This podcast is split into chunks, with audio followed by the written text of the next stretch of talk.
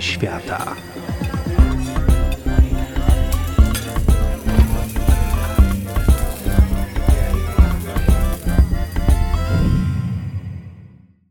Dzień dobry.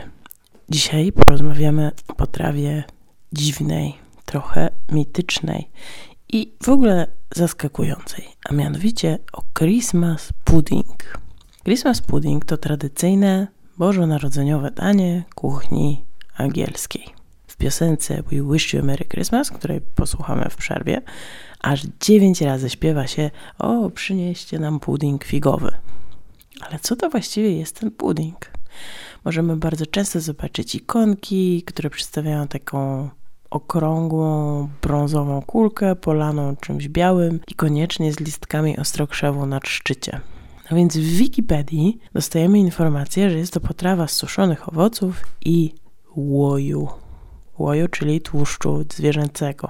No właśnie rodowód Christmas pudding wywodzi się z czasów średniowiecza, kiedy mieszano mięso z suszonymi owocami i z przyprawami korzennymi. I wtedy ta potrawa nazywała się plum pottage, co można przetłumaczyć jako śliwkowa potrawka. Termin śliwka, czyli plum, odnosił się do wszystkich suszonych owoców. Z czasem potrawa przekształciła się z mięsnej w słodką i zaczęła być rodzajem ciasta. Zaczęto dodawać tam mąkę, y, cukier.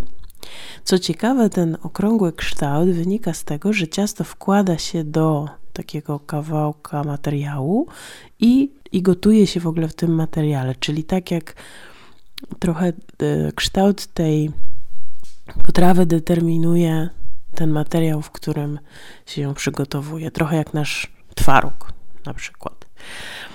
Ta potrawa jest oczywiście bardzo mocno związana z historią Anglii i Wielkiej Brytanii. Kiedy Cromwell na przykład przejął władzę w 1647 roku, zakazał robienia puddingu na Boże Narodzenie, ponieważ uważał, że ten zwyczaj jest nawiązuje do druidzkich obyczajów.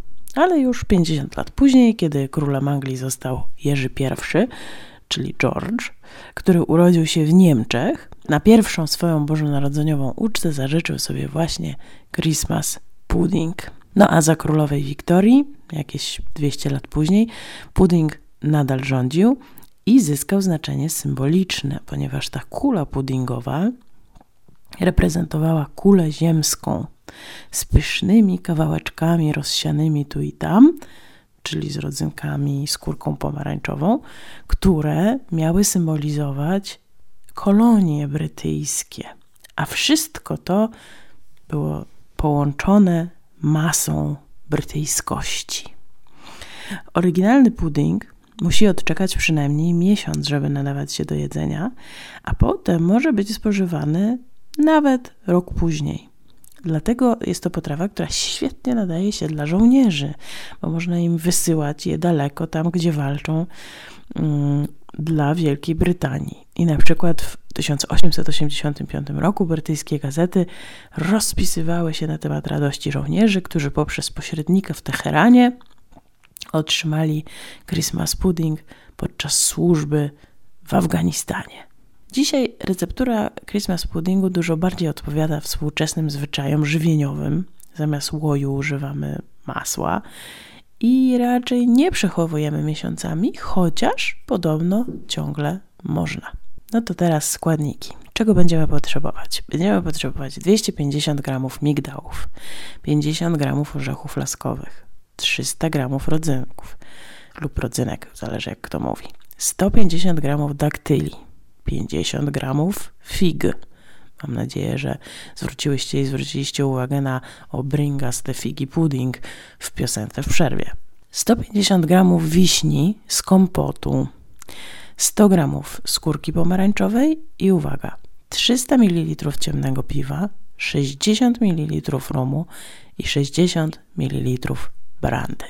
A oprócz tego 100 gramów mąki, 100 gramów bułki, pszennej, białej, około 3 czwarte kostki masła, 250 deko cukru pudru, 3 jajka, jedną pomarańczę, jedną cytrynę, szczyptę soli i szczyptę przyprawy korzennej czy takiej przyprawy piernikowej. Najpierw trzeba przygotować składniki. Daktyle, figi i orzechy laskowe kroimy, a jeszcze migdały dodajemy do tego, ale nie wszystkie, 100 gramów. Kroimy, siekamy na małe kawałki, wsypujemy do miski, do tego dodajemy rodzynki. Tu uwaga, można wybrać różne rodzynki. Można wybrać takie sułtanki, tak zwane rodzynki sułtańskie. Można dodać jeszcze też rodzynki koryntki, jakie akurat najbardziej lubicie. Dodajemy wiśnie i skórkę pomarańczową i to wszystko zalewamy 150 ml piwa, rumu i brandy. Mieszamy i odstawiamy na noc. 150 ml piwa, rum i brandy. I odstawiamy na noc. Podczas kiedy nasze bakalie nasiąkają, a my śpimy, możemy się przygotować do następnego etapu. Następny etap to przygotowanie ciasta. Mielimy pozostałe migdały i mieszamy je z mąką, solą, pokruszoną bułką, cukrem, otartą skórką z obu cytrusów, przyprawą piernikową, czyli tą przyprawą korzenną, jajkami i startym zimnym masłem. Co ważne, te jajka muszą być takie ubite, rozrobione. Dodajemy do tego bakalię i mieszamy. Mieszając, stopniowo dodajemy pozostałe piwo, to które nam e, zostało, aż uzyskujemy kleistą konsystencję ciasta. Teraz co robimy z ciastem?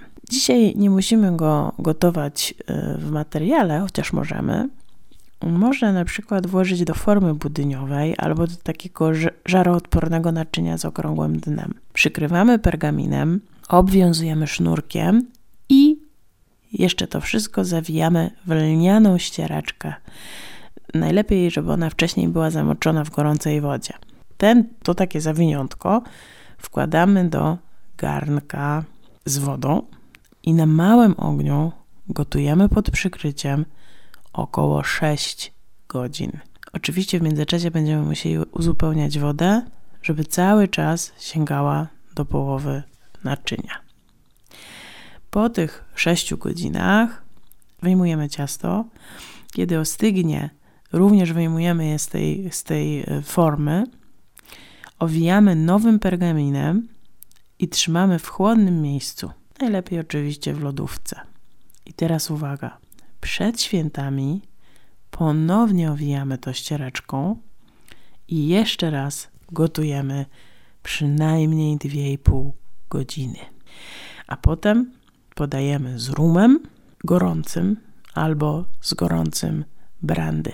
Ten biały lukier, który jest na wierzchu, no to po prostu lukier tylko nie z e, cytrynowym sokiem, tylko właśnie z rumem albo z brandy.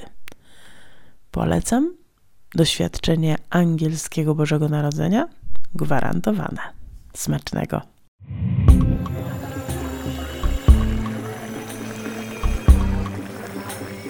Kuchnie świata.